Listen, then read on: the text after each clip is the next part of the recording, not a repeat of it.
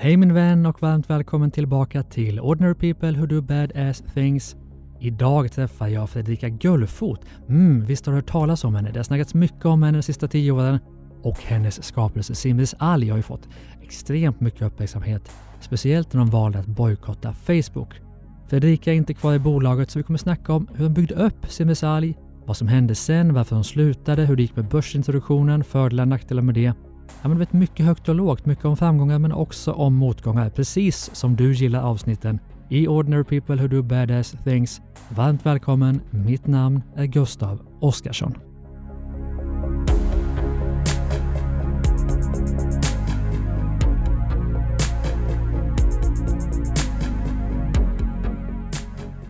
Hej Kajsa!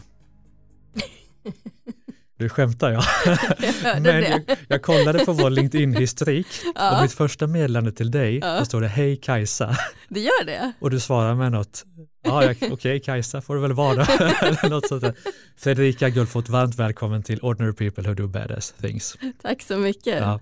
Så det var en märklig start på vårt LinkedIn-förhållande, Mm. om man nu kan kalla det det. Kajsa det du- kanske är mitt så här badass alter ego. Kanske, kanske. Men det du skrev tillbaka då var att när du startade bolag Mm. så hade du läst min bok Mind Your Own Business. Just det, precis. Det gillar jag däremot. Japp. Det tyckte jag var kul. Mm. Hoppas den sådde något frö i alla fall. Ja, Det tror jag absolut Ja. att den gjorde. Den, den eh, träffade ju mig i en sån ganska receptiv eh, period i mitt liv. Där Ja. jag, liksom, jag hade ju inte bestämt att jag skulle starta bolagen, men Nej. den här var nog absolut en av de här lilla små pusherna man får i rätt riktning och ja. faktiskt göra någonting eh, åt sina idéer. Så Ja. Kul, den det var uppskattar bra. jag. Mm. Härligt. Men du, Fredrika, ska vi säga då, inte Kajsa. Du är ju kanske mest känd för de som lyssnar för att ha startat Simris Alg. Mm. För de som ändå inte vet vad det är, eh, jag tycker det har skrivits väldigt mycket om det, men för de som inte vet vad det är, Mm. vad är det för någonting? Ja, alltså Simris då om jag ska dra, nu, nu har jag ju redan glömt min elevator pitch för att jag Ja. har ju lämnat bolaget. Precis, men det kommer vi in på sen. men Ja. Simris Ali är då ett innovationsbaserat bioteknikbolag som jag grundade då. Ehm, och Simris Ali, det vi gjorde där var att vi jobbade med mikroalger, alltså Mm. som är encelliga små alger, vattenlevande växter, Mm. som man kan använda då för att tillverka en massa olika ämnen ur. Mm. Och tanken med det här då var att ehm, jag hade doktorerat i bioteknik, jag Mm. hade fastnat för det här med alger som en sån ny bioteknologisk produktionsplattform Mm. och jag va- ville absolut liksom att man skulle göra någonting av det här för att det, det, ja, det, det är helt fantastiskt. Många av de här till exempel alltså essentiella näringsämnen som vi behöver få i oss och som Mm. vi normalt sett får från till exempel havslevande djur kommer Mm. just ytterst från de här mikroalgerna. Och då var tanken då liksom att odla de här algerna och tillverka de här ämnena direkt från algerna istället för att gå omvägen via fisken. Mm. Vårt första affärscase då, det som vi har blivit mest kända för Mm. var just omega-3 från alger som, eh, som alternativ till fiskolja Mm. som vi då valde också hela, att gå hela vägen till konsumentprodukt Mm. och sälja på, på marknaden för Mm. att skapa liksom vår, vår Tesla kan man säga, vår conversation piece liksom Mm. för att driva den här utvecklingen Precis. framåt. Och var det 2011? Nej? Som det Eh, startades? 2011 som jag bildade aktiebolag, jag startade egentligen direkt efter, eller jag startade egentligen parallellt med att jag Ja. doktorerade, sen, Mm. sen disputerade jag eh, 2010, körde igång på Okej. heltid och 2011. Ja. Men inga andra bolag innan, inget sånt? Nej, alltså Ja, man brukar ju alltid tänka så här, okej, har jag varit entre- entreprenör redan innan och jag har väl haft en del vad ska säga, verksamheter på mitt samvete, men Mm. det har ju varit vässar där jag har haft dansklubbar och liksom sådana grejer. Jag hade lite Mm. egen låda som facköversättare och konsulter och sådär, Mm. men inte sådär att jag hade startat något bolag innan, utan Just det var. Simris Ali första. Det som är spännande då med Simrisal, om vi stannar där lite, jag vet Mm, att vi ska prata om att du har lämnat bolaget också, men det är ju att det är ett bolag som bygger på innovation och det är liksom nytänk och det är liksom saker Mm. som kostar ganska mycket innan det blir någonting av det. Det är ett bolag som också har gått med förlust Mm. eh, under väldigt många år. Mm. har tagit in kapital. Hur, utan att ha byggt bolag innan, hur ger man sig in på en sån resa där du ska ta in kapital och det är så jäkla mycket som Ja. inte, ett, det är inte vanligt bolagsbyggande va? Alltså den, det enkla svaret är väl det att man liksom inte riktigt vet vad man ger sig Nej. in på, om jag ska vara helt ärlig. Alltså det, Nej. det, Hade det du gäller pengar när du startade? till Nej, nej, nej, absolut inte. Nej. Jag tror att det där är någonting, det gäller egentligen många entreprenörer, många som säger det här, Mm. att, att det, det är lika bra att man inte vet vad man ger sig in på, för då Ja. kanske det inte skulle bli av. Mm. Eh, I vårt fall kan man väl säga då med, med Simris, Alltså jag visste ju att det här skulle ta väldigt lång tid och att det Mm. skulle kosta väldigt mycket pengar. Mm. Men jag kunde ju liksom inte ana hur mycket pengar och hur mycket tid det faktiskt skulle kosta och hur Mm. besvärligt det skulle vara Mm. att ta sig dit. Mm. För att det här var ju också, eh, det här var ju 2010, 2011 Mm. då, liksom hela den perioden, alltså det här med eh, food tech eller Mm. ny grön teknik, cirkulär ekonomi, det fanns liksom inte på Nej. tapeten på samma Nej. sätt som idag. Eh, hade jag startat Simris idag, ja men då Mm. hade jag kunnat sätta mig på norrsken liksom bland alla de andra coola Mm. Impactbolagen Mm. och liksom få in en massa såddkapital och så, så det hade nog varit mycket enklare idag än vad det var då. Mm. Eh, men samtidigt känner jag ju också att alltså, någon måste orka och våga gå i bräschen. Mm. Det är så himla viktigt. Mm. För annars så liksom kommer vi inte, alltså då får vi ingen förändring i samhället. Så även då om liksom vi fick många tuffa, vad ska man säga, blows mot, mot hakan Mm. liksom i Simri så, så ser jag ju också vilken enorm skillnad vi gjort. Mm. Eh, sen kan man ju tycka att det här med att man pratar om liksom okej vi har gått med förlust år efter år. Mm. Men om man tittar lite på det och jämför med andra bioteknikbolag liksom vad, vad de kanske har gjort liksom på, på om vi säger så här tio år Mm. har det tagit för oss. Vi tog in totalt 200 miljoner. Mm. Alltså det, det sjuka i sammanhanget är att det är inte så fruktansvärt mycket pengar i den branschen Mm. med tanke på det vi åstadkommit Mm. med så få personer och så lite resurser.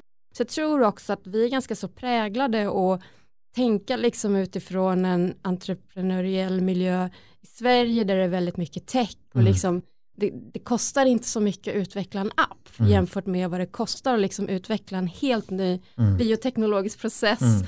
och ta den och bygga fabrik och liksom Ja, hela det är som den läkemedel, alltså det är motsvarande. Ja, liksom. Mm. exakt, Mm. exakt. Och det där är väl någonting där, där ehm, jag önskar att jag hade liksom vetat mer om det här i början för då hade vi också kunnat kommunicera det här på ett mycket bättre sätt. Mm. Liksom, än, än, än, eh, och jag tror att det fanns en förhoppning om att det här skulle gå väldigt, väldigt fort och sen här skulle det vara liksom en jättestor kommersiell succé och sen Mm. skulle vi liksom bara kunna jobba vidare. Mm. Och så funkar det liksom inte i verkligheten. Utan Det är också för som medierna skriver och skriver om så här, Ja. eh, Simrishamn omsätter nu bara en miljon Mm. och gör 25 miljoner i förlust. Ja, Och så låter det som att det är dåligt. ja, ja. Men vilket kanske det, det är enda vägen att gå.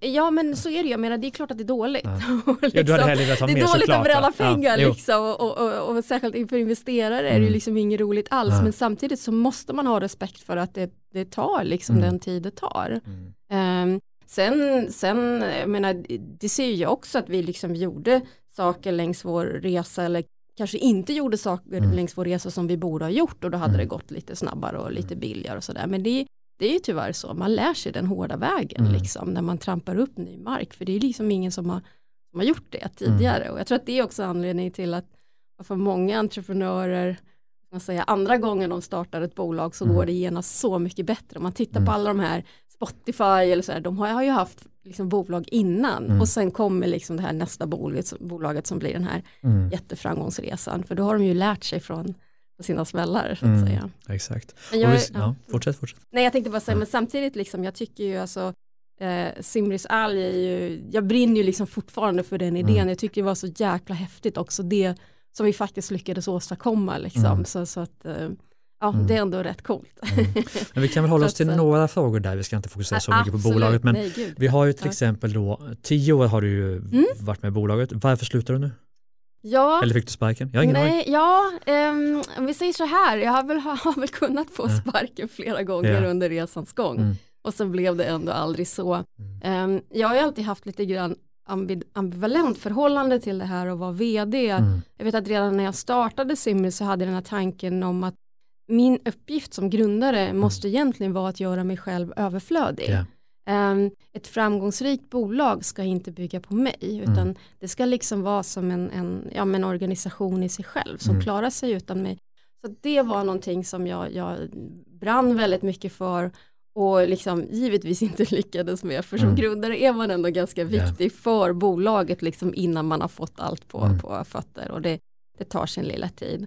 Ehm, det, som, det som däremot hände och det här är också någonting alltså att, att mm, vad ska man säga om man tänker liksom entreprenörskap i ett större perspektiv och eh, de som kanske lyssnar på det här som Mm. vill driva bolag eller driver bolag.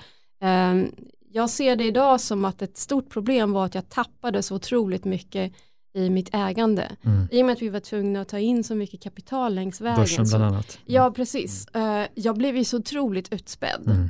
Så att jag, när jag slutade liksom så hade jag kvar lite drygt en procent Mm. av bolaget. Mm. Och det här innebär ju att det liksom de senaste åren, egentligen ända sedan börsnoteringen, Mm. så har ju inte jag haft något formellt inflytande som ägare Mm. eh, i bolaget.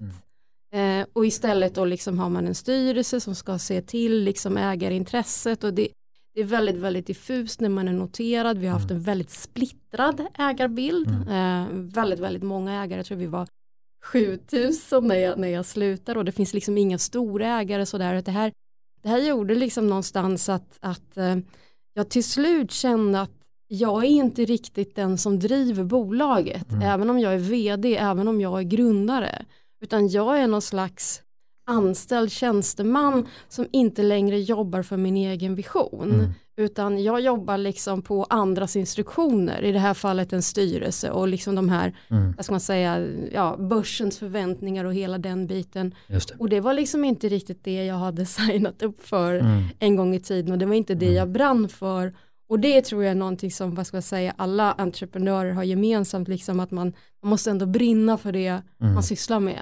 Brinner man inte längre, Mm. då, då, nej, då har man ingenting där att göra. Mm. Så jag, jag hade, vad ska man säga, jag hade samtal med styrelsen och liksom ville ändå gå delvis en annan väg än vad de ville. Mm.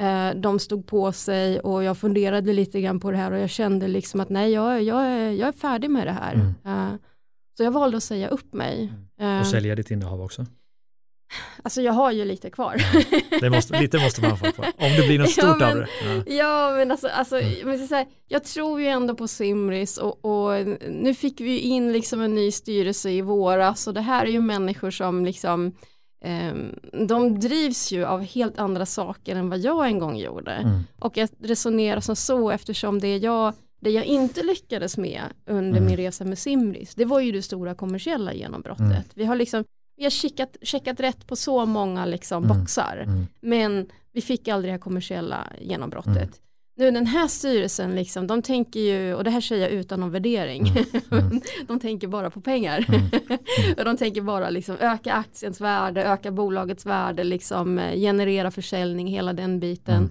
Och då tänker jag mig att ja, men det är kanske den fasen bolaget ändå ska gå in i Mm. nu. Liksom. Så att det är rätt för mig att lämna och, och kanske så dumt att ha lite aktier kvar i det Mm. där. Se vad som Men min, händer. min fördom då, eh, Mm. efter att ha lyssnat på dig, och jag Mm. vet inte om det är sant, men det är ju att hur mycket du än tycker att Simris Ali har varit viktig för världen och liksom Ja. gjort mycket gott, så är du ändå ganska missnöjd med hur det blev för dig personligen till slut. Nå, alltså egentligen inte. För så säga, jag har ju jobbat tio år Mm. med det här. Det är Mm. det längsta jobb jag någonsin har haft.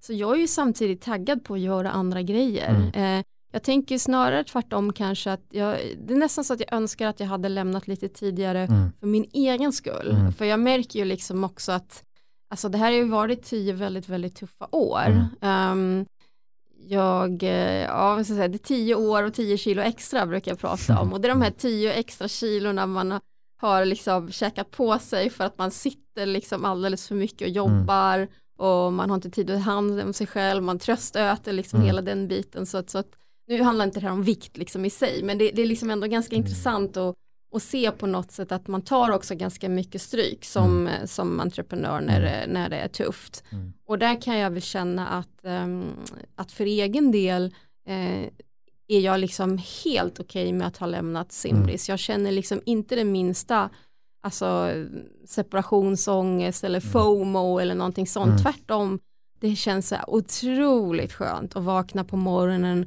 och inte ha 71 problem att ta Mm. tag i. Liksom. Det. FOMO har, jag liksom, har Ja. folk slängt sig med så mycket i min närhet sista Ja. åren. Och jag har faktiskt aldrig vetat vad det har varit, men jag hade inte frågat. Så häromdagen fick jag veta att det är fear of missing out. Fear of missing out. Nu vet vad jag. skönt att inte veta vad det är på säga, för det är nog, eh, det, det, mm, det är ganska skönt att inte ha det. Det är Mm. väldigt jobbigt att ha det. Exakt. ser man hos många människor som, Men i alla fall i perspektiv då, om vi tar oss tillbaka Mm. dit, också för att andra som lyssnar kan Mm. lära sig, vilka ser du som, det kanske du inte såg då, men vilka miss, i och med att du hamnar med en procent ägande till slut, Ja. vilka misstag kan du se att du gjorde på vägen som du gärna i ett perspektiv skulle, alltså, skulle vilja ha undvikit? Ja, alltså jag tror att det, det jag utgick ifrån det var ju liksom att alla skulle tänka som mig ungefär. Mm. För att alltså, det är på något sätt alla, alla som kom med längs vägen, om jag alldeles i början, jag hade, var ju liksom väldigt övertygad om liksom att det var viktigt det här att vi skulle visa att det här blir ett bra företag. Liksom. Jag trodde ju på det här med liksom grön kapitalism, man skulle Ja. komma in med liksom ny teknik och nya bolag och de skulle bli så intressanta och heta att investera i och de skulle generera en massa avkastning så att ingen skulle vara intresserad av att stoppa aktier i oljebolag längre liksom, ungefär så. Mm. så det var, ju, det var ju den idén jag brann för så att jag tänkte liksom att de som investerade i Simris Ali tänkte på samma sätt och det Mm. tror jag också många, många gjorde. Men det som händer sen är att man märker att det ehm, vad ska man säga, det kommer in ägare och för dem är det trots allt väldigt viktigt att få avkastning på sina pengar. Mm. Så är det liksom. Mm. Så det är det business handlar om, det Mm. får man inte glömma. Mm. Och jag, sådär lite grann, jag hade nog inte hållit med om det då, men när Mm. jag tittar så här lite grann i backspegeln och jämfört med de andra jag har mött på min resa så ser jag nog liksom att jag var nog inte tillräckligt driven av just pengar liksom. Mm.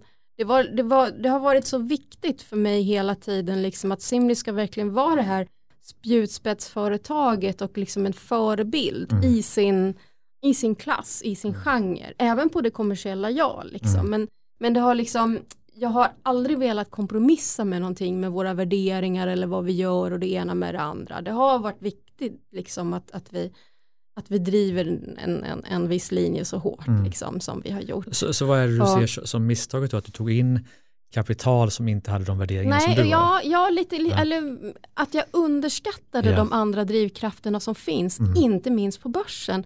Vet, Mm. När vi noterade Simrit så gjorde vi det för att Vilket vi, år var det? Ja, det var 2016. 16. Mm. Och då var vi, eh, nu gör jag citationstecken i luften Ja. här för de som lyssnar, då var vi tvungna till att göra det för vi satt i ett, av, i ett avtal med en sån här financial advisor som hade gjort en så kallad private placement åt oss och liksom rest kapital bland en massa vad ska man säga, mindre investerare. Så Mm. vi hade 143 delägare vill jag minnas och vi hade då enligt avtalet så hade vi liksom committat oss till att vi skulle notera bolaget inom 12 till 24 månader. Oj. Mm, så när de 24 månaderna hade gått, Ja. eh, då hade vi just då behövde vi faktiskt inte pengar för vi Nej. hade fått in liksom en hel del kapital men då, då var vi tvungna att notera bolaget och, och mm, då gjorde vi det. Ehm, Mm.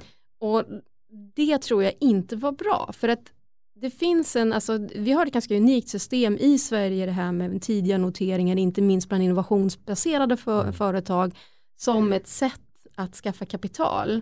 Eh, och det kan ju låta väldigt positivt. Mm. Problemet är bara att själva börsen om man ser till marknaden, alltså de som köper och säljer Mm. aktier, eh, de ställer ju samma förväntningar även på, på det man kallar då för förhoppningsbolag eller Mm. bolag i väldigt tidigt skede. Mm. Som man gör till exempel på, på ja, men storbolag som Mm. Volvo som Mm. noterar idag måste vi då nämna. Sådär. Så, så man, man bedöms plötsligt utifrån helt andra kriterier Mm. och då är det liksom kvartalsrapporter Mm. som gäller och då är det liksom bottom line. Det är resultatet som räknas, det är försäljningen Mm. som räknas, inte vad du bygger för annat värde i bolaget. mm. Och det var, ju, det var ju det som var vårt fokus. Mm. Och jag hade ju liksom tänkt att vi ska fortsätta jobba långsiktigt, liksom ta fram nya ingredienser, utveckla ny teknik och hela den bilden. Men sen har du å andra sidan en aktiemarknad som hela tiden bara "Åh, försäljning, försäljning, Mhm. försäljning, försäljning. Och det blir så här, men hallå, finns det inget mer här i livet? Ja. Förstår du liksom? förstår. Och för den lilla aktiespararen finns det ju inte det liksom, utan det är det här, Simri ska visa försäljningssiffror varje Mm. kvartal, punkt.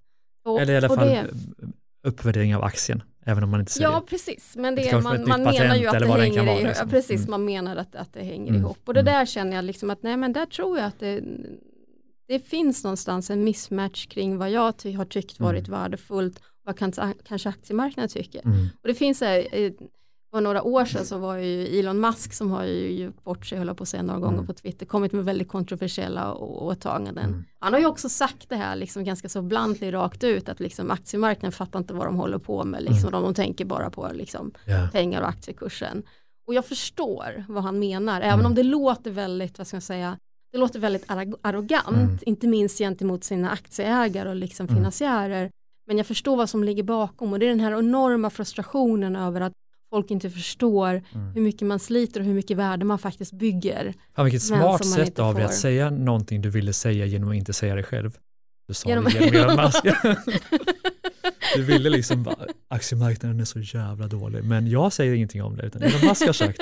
Nej, men alltså jag tycker, jag, jag tycker så här, alltså jag hade nog förväntat mig lite mer smartness från aktiemarknaden vad man faktiskt mm. ser. Yeah. Sen måste jag säga, alltså, som jag sa, liksom, vi har ju ändå 7000 aktieägare och jag mm. menar väldigt många har ju varit väldigt, väldigt lojala mm. gentemot Simris. Uh, så, att, så att på det stora hela så finns det ju väldigt starka goda krafter mm. på aktiemarknaden också. Mm. Men, men jag tror inte längre på aktiemarknaden som väg för att skapa skillnad i samhället. Mm. Där har jag liksom bränt min naivitet ganska så mycket. Jag så det, det, det, tror jag inte längre på. Men det trodde jag ja. när jag började och det trodde jag också väldigt, väldigt länge. Mm. Fördel eller nackdel att ha många aktieägare? Uh, fördelen att ha många aktieägare, uh, jag trodde ju att det skulle vara det att man liksom syns och hörs bättre i det mm. man gör och kan nå ut med sina budskap. Men jag har ju insett att inte folk läser ju knappt ens vad man skriver eller mm. säger. Yeah. Utan de tittar på Avanza-skärmen liksom. Eller vad jag förstår. Eh, Men det så jag hade nog hellre haft liksom, några att liksom ja. äga bolaget tillsammans ja. med så att man liksom kan sätta sig ner och diskutera hur mm. går vi vidare och liksom hela mm. den biten. Det för, det, för det du beskriver här, att får, dels beskriver du ju väldigt mycket en värderingsskillnad i mm. aktiemarknaden kontra dina egna mm. värderingar. Och det är intressant. Det du också beskriver är ju en situation som man måste vara väldigt mån tycker jag om att inte hamna i, det vill säga där man känner ja. att jag äger för lite för att kunna driva, driva bolaget med min fulla Precis. passion.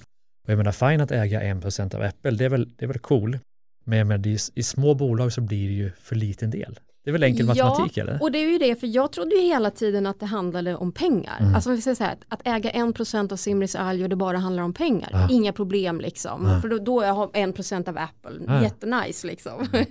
Som men, investerare kan men, det vara nice, men, men som vd, grundare, alltså Exakt, mentalt. Exakt, ja. Nej, men det är det som är grejen, alltså Steve Jobs, hade mm. han klarat sig med en procent av Apple, ja men han måste liksom ha inflytande över Apple, mm. för annars kan inte han göra sin grej liksom. Och det tror, jag, det tror jag är viktigt att komma ihåg om man liksom står inför det här att man, att man måste ta in kapital. Mm. För det, det, jag höll på att säga, det måste man förhoppningsvis göra mm. om man liksom ska yeah. växa snabbt och få bra stöd längs vägen och nätverk och allt det där.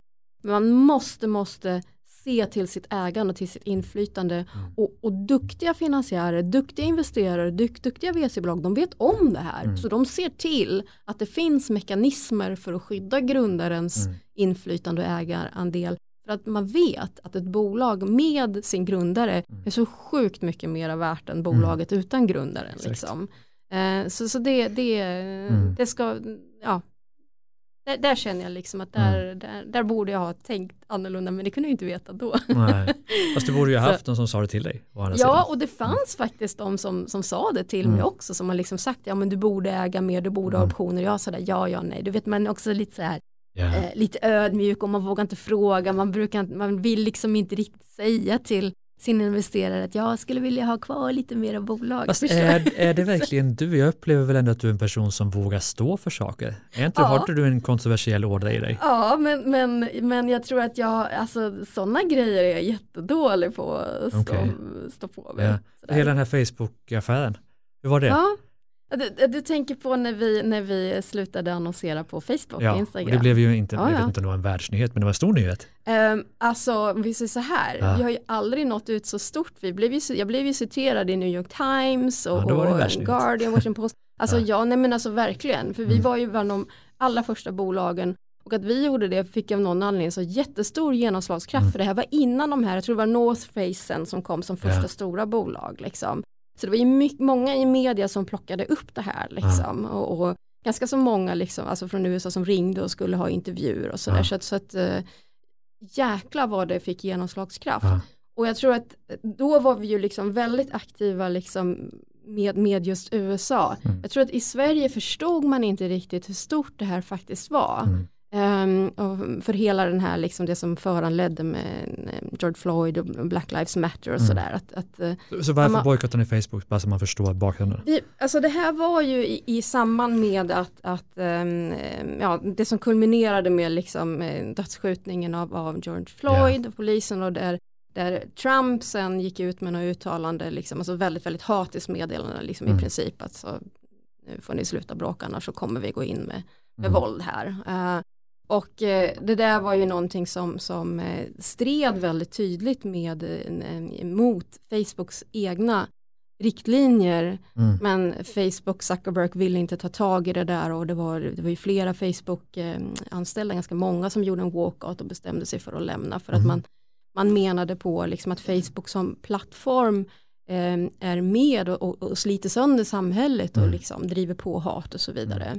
Och jag vill säga det i sammanhanget att det handlar liksom inte om att censurera enskilda uttalanden som mm. Donald Trumps utan det handlar mer om liksom hur det här systemet är uppbyggt med liksom att folk byggs in i åsiktsbubblor mm. genom de algoritmer som styr vad du liksom exponeras för för inlägg och så vidare. Mm. Så, att, så att eh, för oss var det ganska uppenbart att liksom Facebook är en del i den utveckling vi ser i sammanhanget där vi ser mera polarisering, mera hat, ett allt mer aggressiv, aggressivt tonläge, liksom rasismen mm. som sprids och så vidare.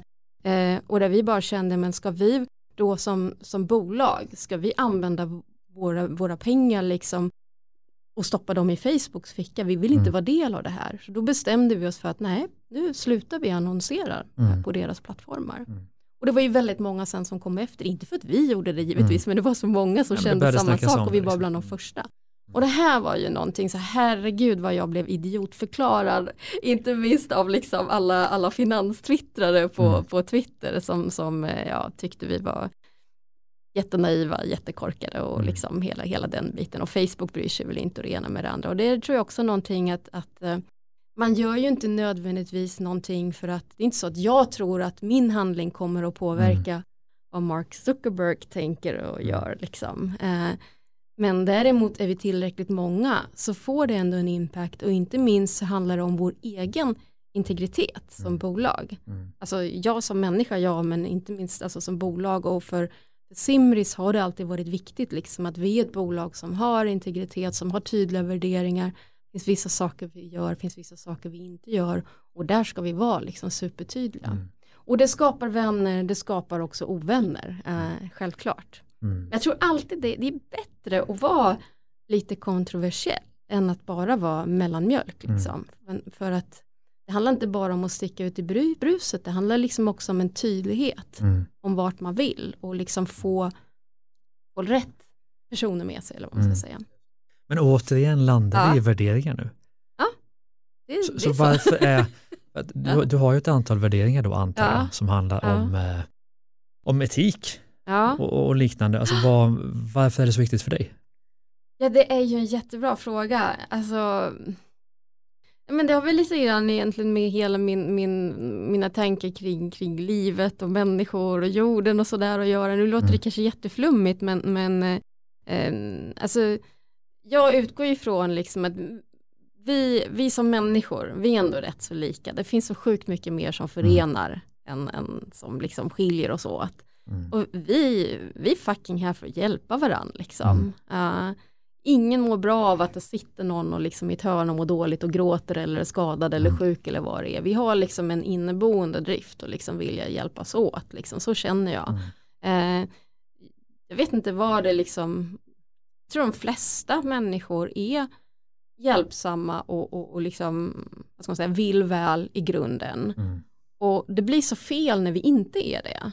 Och särskilt liksom inom, inom business alltså, så ser man så mycket av det här med liksom att man bara skiter i sina medmänniskor eller sin omvärld eller sin planet och så vidare. Och det, mm. där tycker jag liksom att nej men även, även där så har vi ju liksom samma ska säga, mellanmänskliga ansvar som vi har i övrigt. Mm. Alltså det här med liksom som, nu är jag inte, jag är inte troende på något sätt men liksom det man pratar om den här, eh, vad heter det, gyllene regeln, säger man så? Det beror på vad ska säga efter. Man ska inte, ja, men heter det så? Ja. Alltså man ska vara som sin nästa som, ja. man, som man vill. Liksom, man ska behandla man ska sin nästa som, som man sig behandlar sig själv. Ja, ja men precis och det mm. tycker jag liksom att nej, men den, den är så enkel. Mm.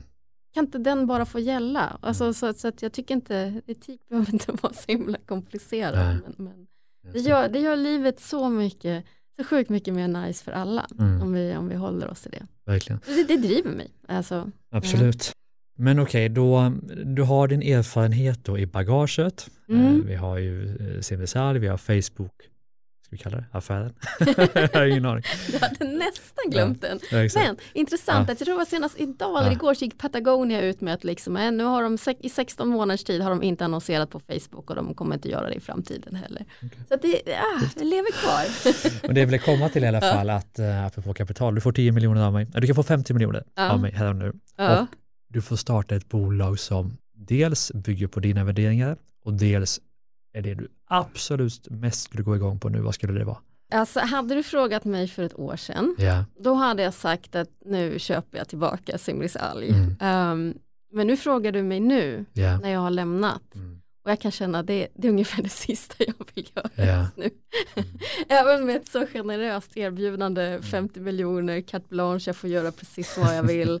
det sista jag skulle vilja är att starta bolag. För jag är så, ehm, jag tror, jag, jag ska inte säga jag ska aldrig mer starta bolag, men det Mm. definitivt är, är det ingenting som skulle liksom intressera mig nu. Eh, jag är så helt off allt vad den världen heter Mhm. och jag liksom jag försöker så hänga med lite grann men jag känner, bara känner att gud nej jag måste stänga ner hela min LinkedIn eller något det här, jag står inte ut längre och liksom bara Alltså du, vill, du har liksom verkligen trappat bort från entreprenörslivet Ja nu. men totalt, Det var så, jag sysslar med musik nu och liksom, jag har gått in för det, det är 100% men jag känner också 50 miljoner, jag är inte, det, liksom, jag är inte där att jag kan bygga en musikstudio för 50 miljoner. Men musik, vad är det för musik? Du skriver låtar? Ja, nej, jag, jag, jag går faktiskt en utbildning i musikproduktion så Aha. jag producerar. Um, och det, är också, så- det är faktiskt en liten rolig grej apropå sociala medier Ja. och vad de kan ha för inverkan.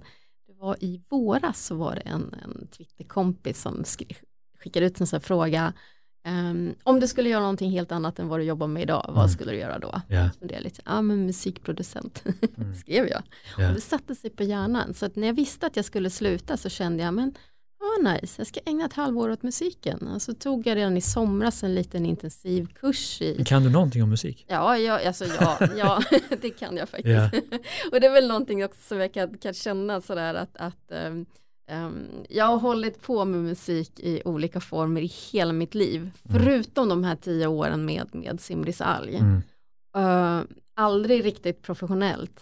Uh, men jag kan känna nu att men, jag måste tillbaka till det som jag liksom verkligen, verkligen brinner för. Och framförallt måste jag tillbaka till det, det kreativa. Jag har Mm. jobbat så mycket med, man brukar prata om det här liksom vänster hjärnhalva, liksom Mm. analytiska, hela den biten. Nu måste höger hjärnhalva måste liksom ut och blomma så att det är det för hela slanten.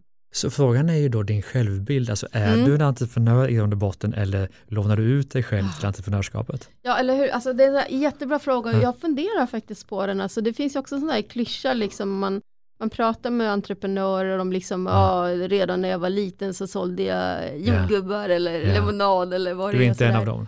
Ja, alltså, jag känner, jo men Ja. ja, det, vi lekte väl affär någon gång. jo, jo, men det gjorde väl Men- alla. Men framförallt gjorde vi ju jättemycket musik Ja. och liksom hela, hela den biten, dans och jag skrev låtar hela den biten. Så jag tänkte så här, jag tänker mig ibland så här att även min entreprenörsresa och de entreprenöriella projekt som jag har haft, Mm. som, utan att de liksom har varit kommersiella, så har de nog liksom bottnat i en slags kreativitet ändå. Mm. Eh, så jag kanske är mera av en kreatör Mm. än den här alltså, entreprenören som ser affärsmöjligheter. Mm. Förstår du vad jag menar? Liksom, Ja. finns, ju, finns ju entreprenörer, de är, de är fantastiska på det här med att se affärsmöjligheter. Liksom, att åh, här är en lucka Mm. som vi måste släppa, och här är marken. Och, liksom hela Och kan starta biten. företag inom vad som helst. In- Ja men exakt, Det kan inte exakt. Nej, Nej. nej. Alltså, du. du är och mer, det, Vad kan man kalla dig?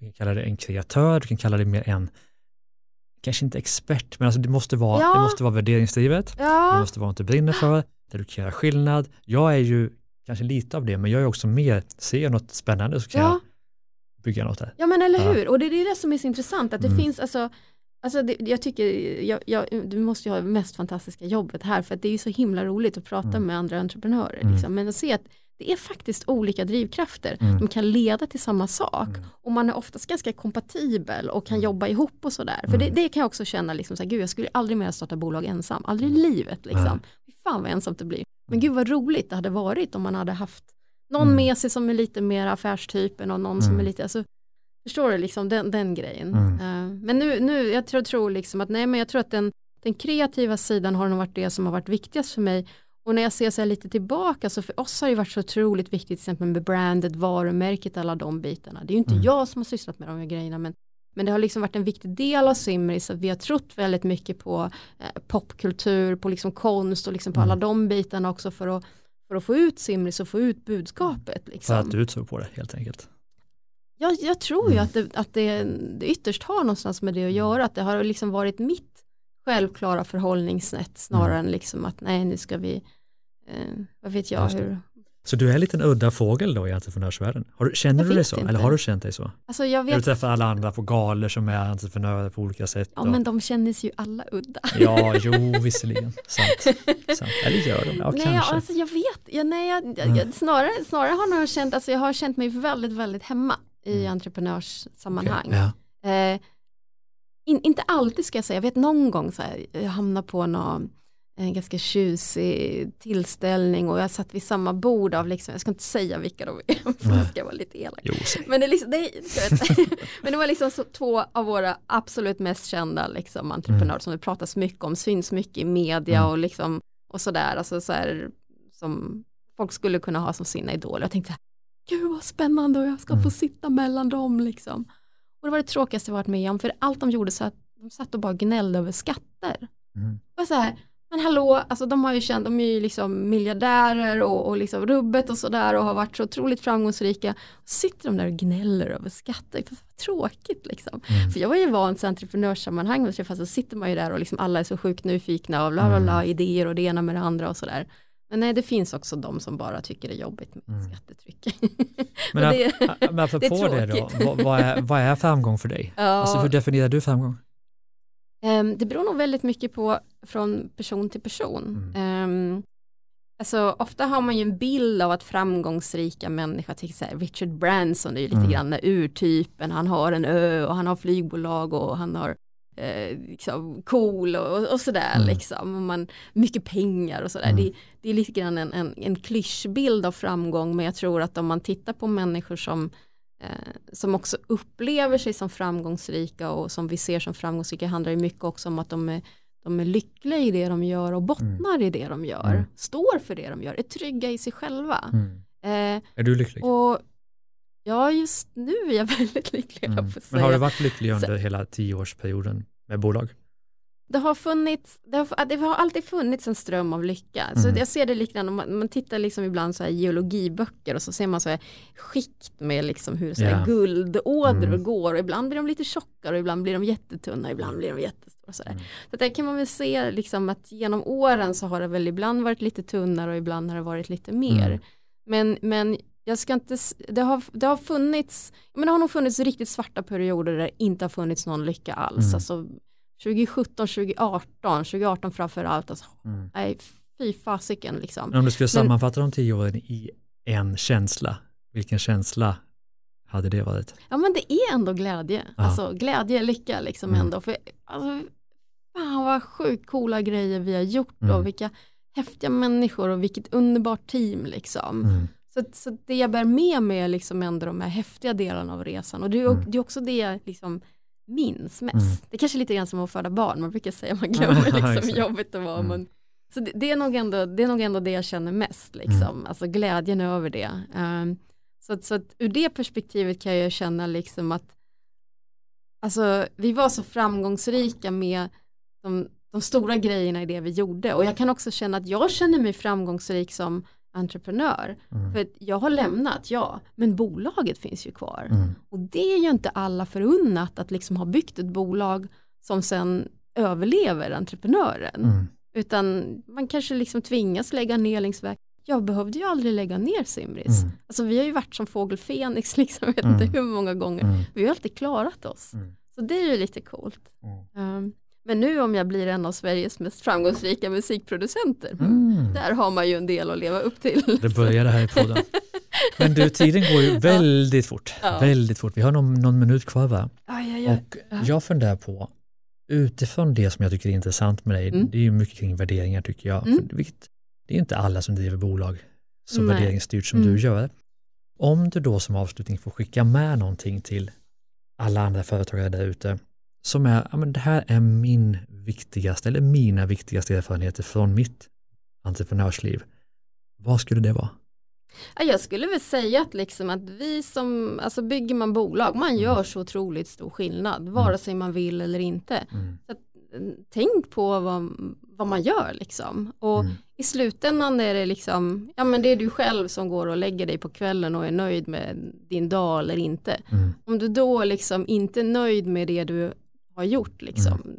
då är det inte värt något. Men är du nöjd med det du har gjort, då är det liksom, det är värt allt. Mm. Och det behöver liksom inte mätas i liksom, ja, yttre måttstockar liksom. Mm. Utan, utan jag tror att det är viktigt liksom att man bottnar i sig själv, Mm. i det man gör. Alltid. Snyggt! Vilken härlig avslutning. Ja, Stort tack Fredrika för att du tack ville vara med. själv, tack för att jag fick komma. Och tack till dig som lyssnar. Ännu ett härligt avsnitt av Ordinary People Who Do Badass Things. Glöm inte att signa upp för en prenumeration, även på våra andra poddar förstås, Business Hacks och Starta Eget-podden. Stort tack för idag. Hej då!